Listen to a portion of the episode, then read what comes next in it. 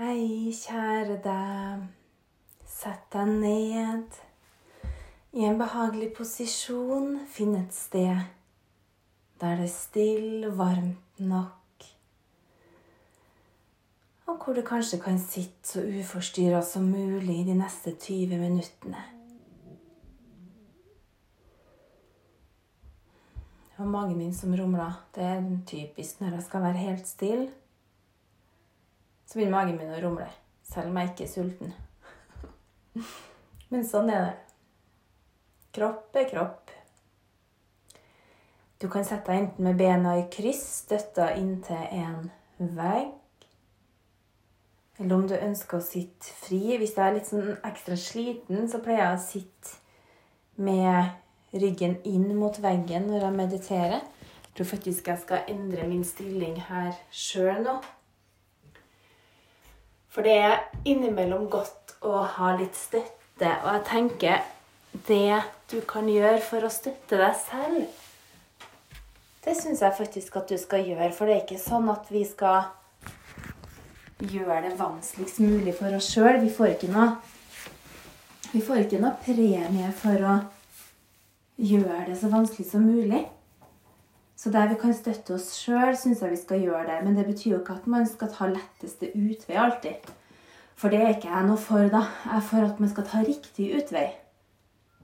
Eller for at man skal gjøre det som er rett. For at folk som alltid skal gjøre det så lettvint for seg sjøl, det syns jeg ikke er så veldig sjarmerende. Og som tar sånne shortcuts hele tida. Eh, som da kanskje også går ut over andre. ikke sant? Så at jeg tenker Det er ikke at man skal liksom gjøre det lettvint, men man kan velge å støtte seg sjøl. Og noen ganger så er jo den letteste veien også den rette. sant? Men for meg så handler det mye om det der å kjenne etter hva er det som er riktig og føles rett her i øyeblikket. Eller hvis det er et valg man skal ta, hva føles riktig. Veldig ofte er jo det riktige valget hardest òg, da. Det er i hvert fall min erfaring sånn i livet, så er ofte det rette valget det som faktisk er ganske hardt. Men jeg syns jo også da premien er desto bedre i etterkant, da. Når man er ferdigvalgt. Så du kan enten sitte med bena i kryss. Du kan også sitte sånn på en stol. Hvis du har en stol, skulle du si, eller inntil veggen. Jeg sitter jo på en benk i badstua nå. På den øverste benken. Vi har tre benker nedover. Så jeg sitter på den øverste, sånn at jeg kan støtte ryggen min mot veggen. Så har jeg begge fotsålene i, på den andre benken, eller ned mot gulvet for deg. Beina er litt fra hverandre, så at de kan hvile. Er fin styrke i bekkenbunnen. Trekker sammen og løfter opp. Korsryggen er litt ut fra, nei, fra veggen, mens skulderbladene er inn mot veggen. Du kan også prøve å sette halebeina inn mot veggen. For meg blir det litt sånn slitsomt, for da føler jeg at jeg sitter og blir dytta fremover. Så det med stilling, da Meditasjonsstilling har faktisk mye å si altså, for at du skal kunne sitte uforstyrra. Altså da uforstyrra også av din egen kropp. Du kan ha håndflatene vendt opp eller vendt ned. Jeg har mine oppover. Du kan velge å ha tommel og pekefinger sammen i gnana modra. Eller bare ha dem sånn som det kjennes naturlig for deg. En annen fin måte også legg venstre hånd i fanget, og legg høyre hånd hvilende opp i venstre. Det syns jeg er veldig godt når jeg sitter med bena i kryss. Gjerne pusse også nesa før man skal meditere eller gjøre pusteøvelser, for da vil du kunne puste litt friere. Jeg skal innrømme at jeg tok meg ikke tida til det. Litt sånn sløvt. For noen ganger når jeg skal spille inn podkast, så haster det plutselig veldig. Så jeg liksom slår på record med en gang jeg går inn i badstua, nesten. Så når jeg først bestemmer meg, så er jeg veldig ivrig på å komme i gang med podkasten. Eh, tidligere i dag var det vel, så hadde jeg flere episoder i hodet som jeg tenkte jeg må få ut. Og før så hadde jeg en liste hvor jeg skrev ned ting. Og mens nå så har jeg faktisk funnet ut at det går an å bare lage en episode med navn, så at jeg gjør den klar. Så jeg vet, og da vet jeg hva han skal inneholde, og så bare spiller jeg inn etter hvert. Så det gjorde jeg med den her nå, og det ahimsa og betydningen av ikke-vold. Men igjen, la oss bare finne litt tilstedeværelse her i øyeblikket. Bare legg merke til hva som skjer i kroppen din når du setter deg helt i ro med øynene lukka.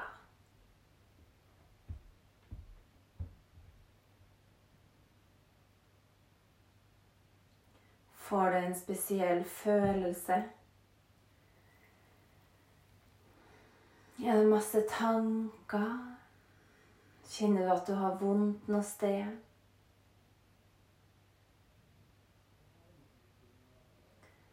Bare observere hva som skjer akkurat her og nå.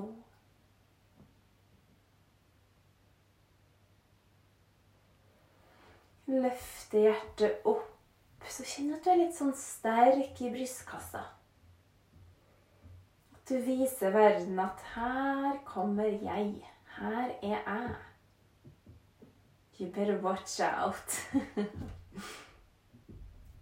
Her er jeg.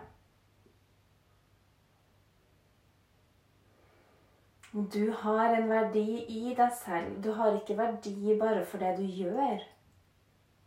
Men du som menneske, du som individ, du som et pustende, levende vesen, du har en verdi i deg selv bare ved å eksistere. Og det må ingenting. Ofte føler vi at vi må gjøre ditten og datten. Men du må ikke. Ja, selvfølgelig har vi visse plikter og ting vi har lyst til å gjøre og føler oss bedre av å gjøre. Men se om du kan velge selv. Og prøv å velge det som gjør at du kjenner en god følelse. Det som gjør at du har det godt. Det som gjør at du stresser mindre. Det er aldri riktig å velge stress fremfor ro.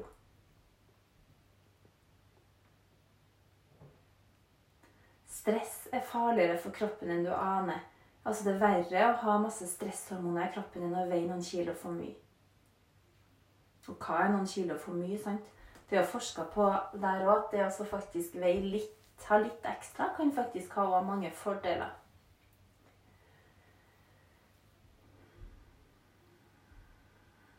Så hvis du øver deg på å slappe av, så vil stresset i kroppen reduseres.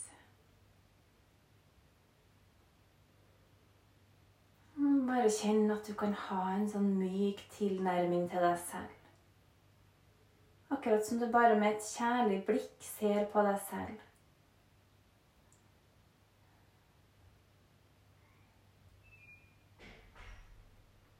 Ahimsa betyr jo det motsatte av vold. Det er også oversatt som ikke-vold. Himsa betyr vold ahimsa for meg det er det viktigste begrepet i yoga. Ikke skade-prinsippet. Ikke å påføre noen smerte og lidelse. Og veldig viktig å ikke påføre deg selv smerte og lidelse. Smerte og lidelse vil det være dessverre i livet uansett, men hvis du kan være kjærlig og myk og snill med deg selv og dem rundt deg, så vil du ha det mye bedre. Så en ting er den volden vi bare kan tenke på eksempel da Jeg leste jo i dag Det var vel derfor jeg kanskje kom på denne podkasten. Det var meldt inn flere sånne familievoldssaker ut av det hele på Spyr. Altså, jeg blir sånn blanding av sinne og lei meg inni meg. Familievold det skal da søren meg ikke være vold i familien. Men det som dessverre Det er jo det rundt omkring i verden. Særlig også der kvinner er undertrykt, så er det så mye familievold og voldtekt i nære relasjoner. Altså eh, Underkuelse. Og det gjør meg så trist. Og jeg tror allikevel Man kan jo tenke det er nesten ikke noe vits å prøve å gjøre noe, for at det er så stort. Og hvis man tenker på hele verden, da, det med undertrykkelse av kvinner, og at menn liker at kvinner er underdanig Hva var det jeg sa til Kjetil en dag? At jeg tror faktisk, hvis man tenker hele verdens befolkning, halvparten av alle menn kunne sikkert ha tenkt seg å ha et sånt samfunn som i The Handmaid's Tale. For deg som har sett det. Det er et sånn eh, dysnotisk samfunn, et sånn fremtidssamfunn, der det er en gruppe som en milits, da, militærmakt, som har tatt over De har gjort et statskupp og tatt over kontrollen i USA og brakt inn de gamle verdiene. Staten kaller dem Gilead.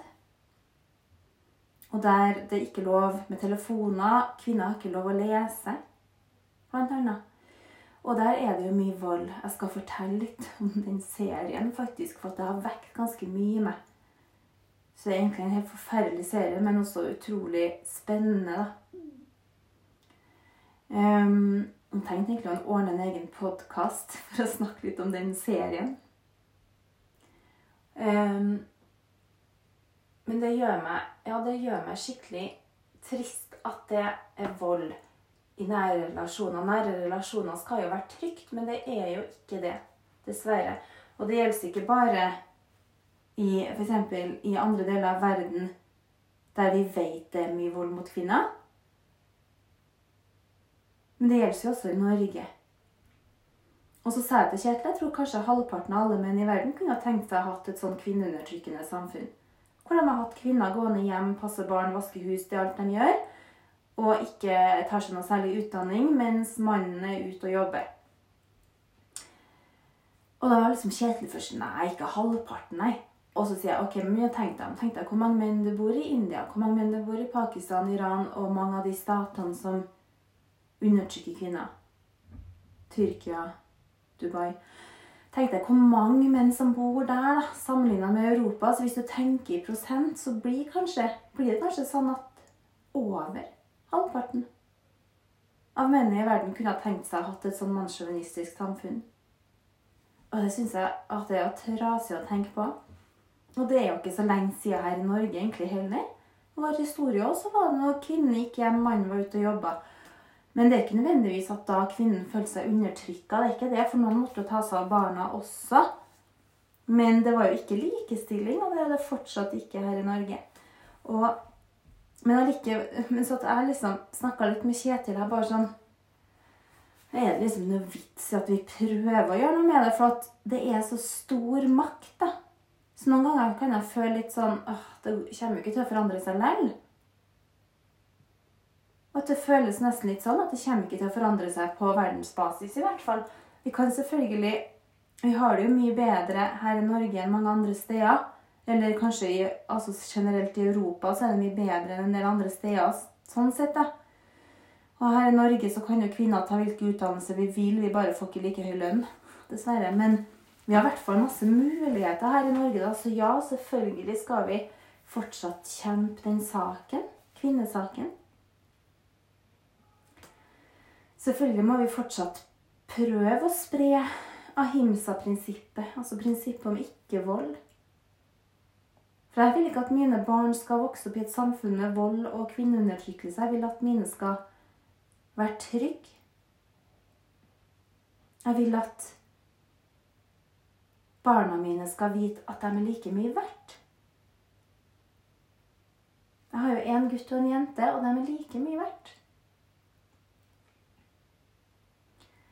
Og ja, så jeg tror at det trengs store forandringer i verden. Store, store forandringer. Da trengs det nok sikkert også nye tenkemåter. Eneste som er sånn problematisk, er jo at militærmakt er så sterkt. Og, og pengemakt, selvfølgelig. Først og fremst den økonomiske makta.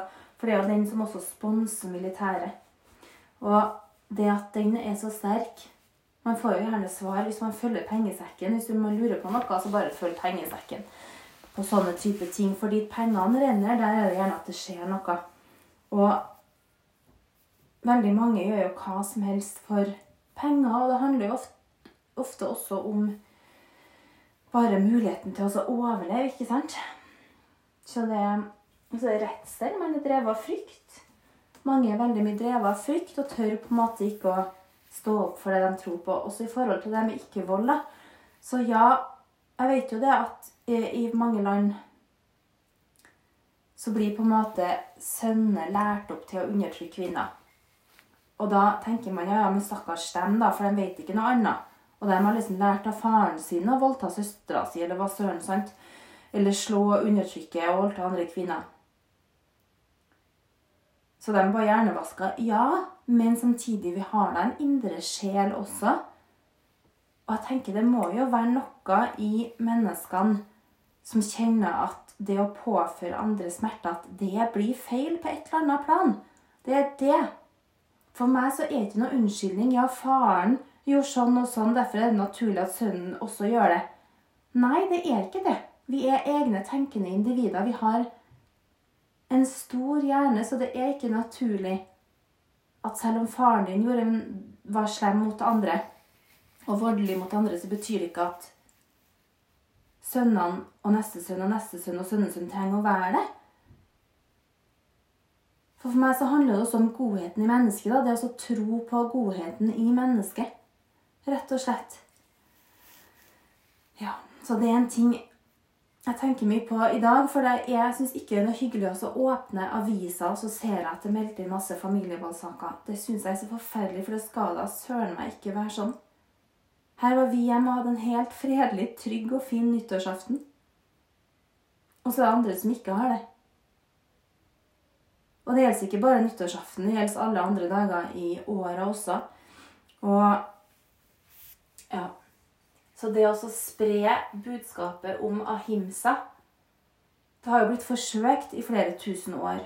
Det har funnet røtter, yogaens røtter for 4000-5000 år tilbake.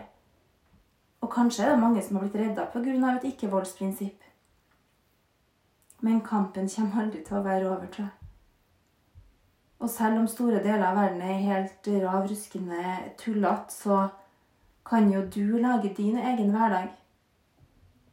Og det fins jo også veldig mange gode mennesker overalt, sant?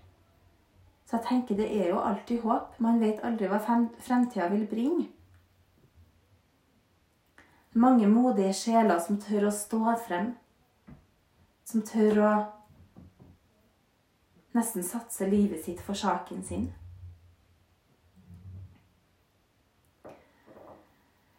Da jeg begynte å lese yogafilosofi, så var det spesielt ahimsa-begrepet som berørte meg. Så det, det første yamas i de stegene til yoga, som moralske betraktninger, så er det første steget ahimsa. Og det er gjerne det første steget som er viktigst, eller det blir litt rangert, kan du si, selv om mange andre også er viktig. F.eks. det å snakke sannhet. da. Speak truth. Men en ikke-voldelig tilnærming til livet, da, det innebærer ikke bare å ikke slå noen. For at du ikke slår noen, så betyr det ikke at du lever godt etablert i ahimsa allikevel. For ahimsa inkluderer også tanker. Å ikke ha vonde og voldelige og stygge tanker. Det er vanskelig også å stoppe tankene. sant? Innimellom så får man en fæl tanke, og det gjør vi alle sammen.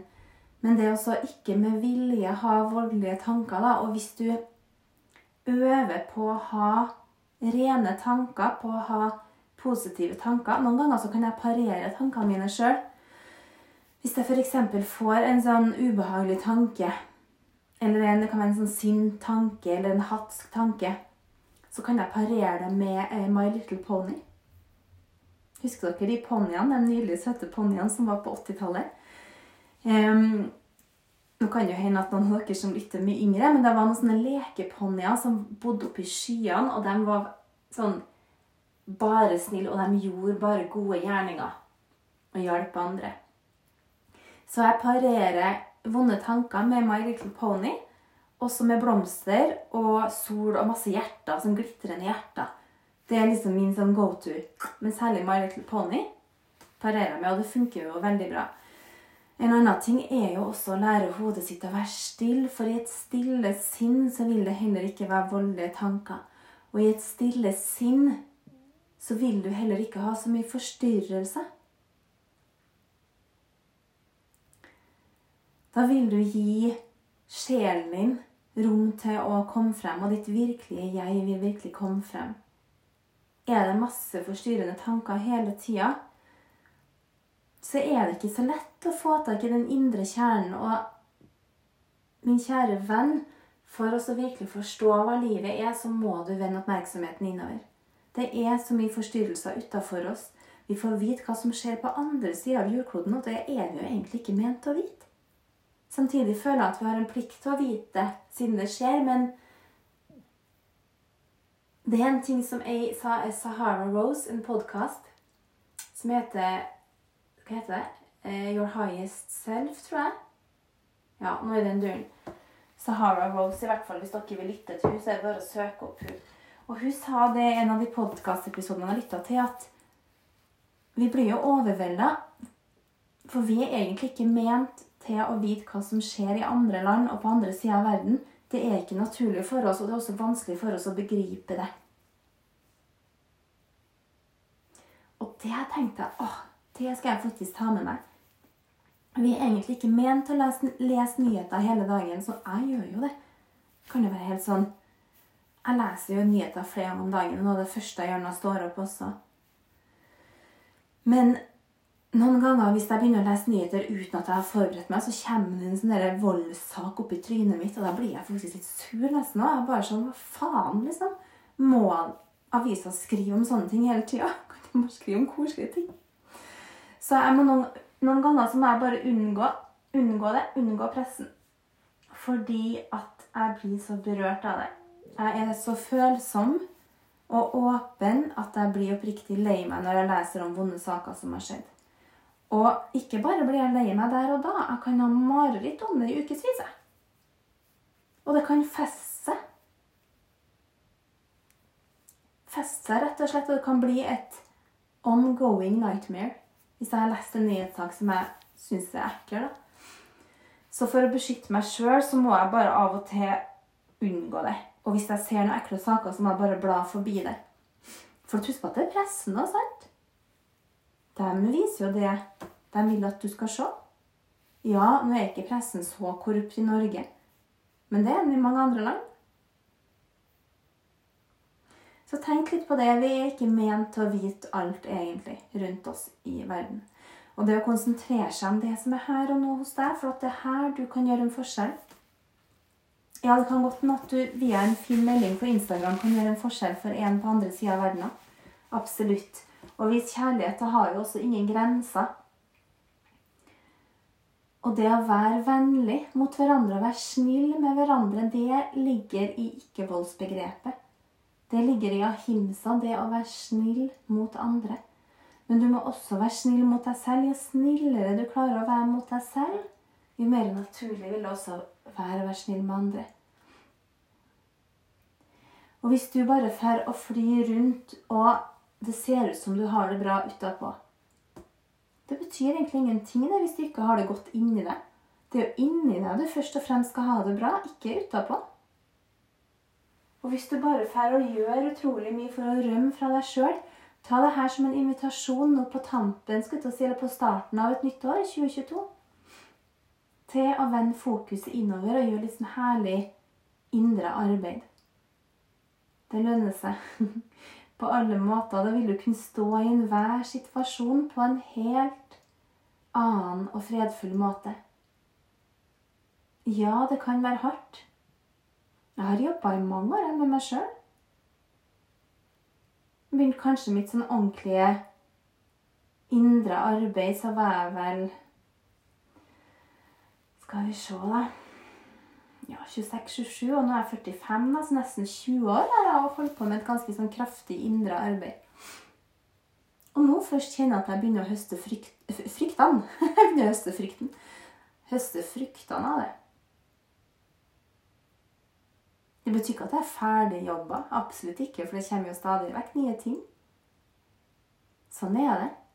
Men jeg føler at jeg kanskje har gjort størsteparten av arbeidet. Sånn at det som kommer nå, det klarer jeg altså eller en møter naturlig på en mer fryktløs måte og på en mer sånn gledelig måte. Ah, nok en sjanse til å jobbe litt. Yay! Brette opp armene. Let's work on this, baby. Jeg kan tenke litt sånn. Og det Ja.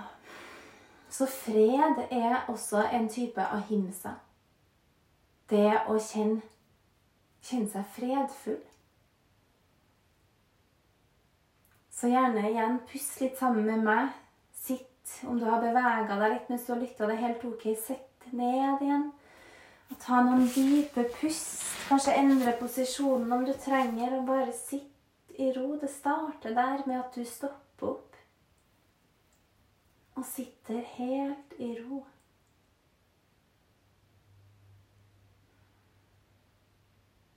Puste. La hjernen din smelte og renne ned i hjertet.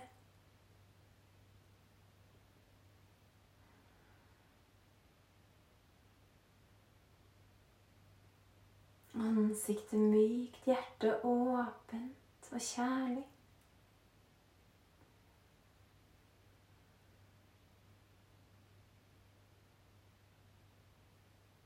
Du kan sitte litt til og bare lytte innover og se hva som kommer opp. Eller du kan avslutte. Sender deg masse kjærlighet, så snakkes vi igjen.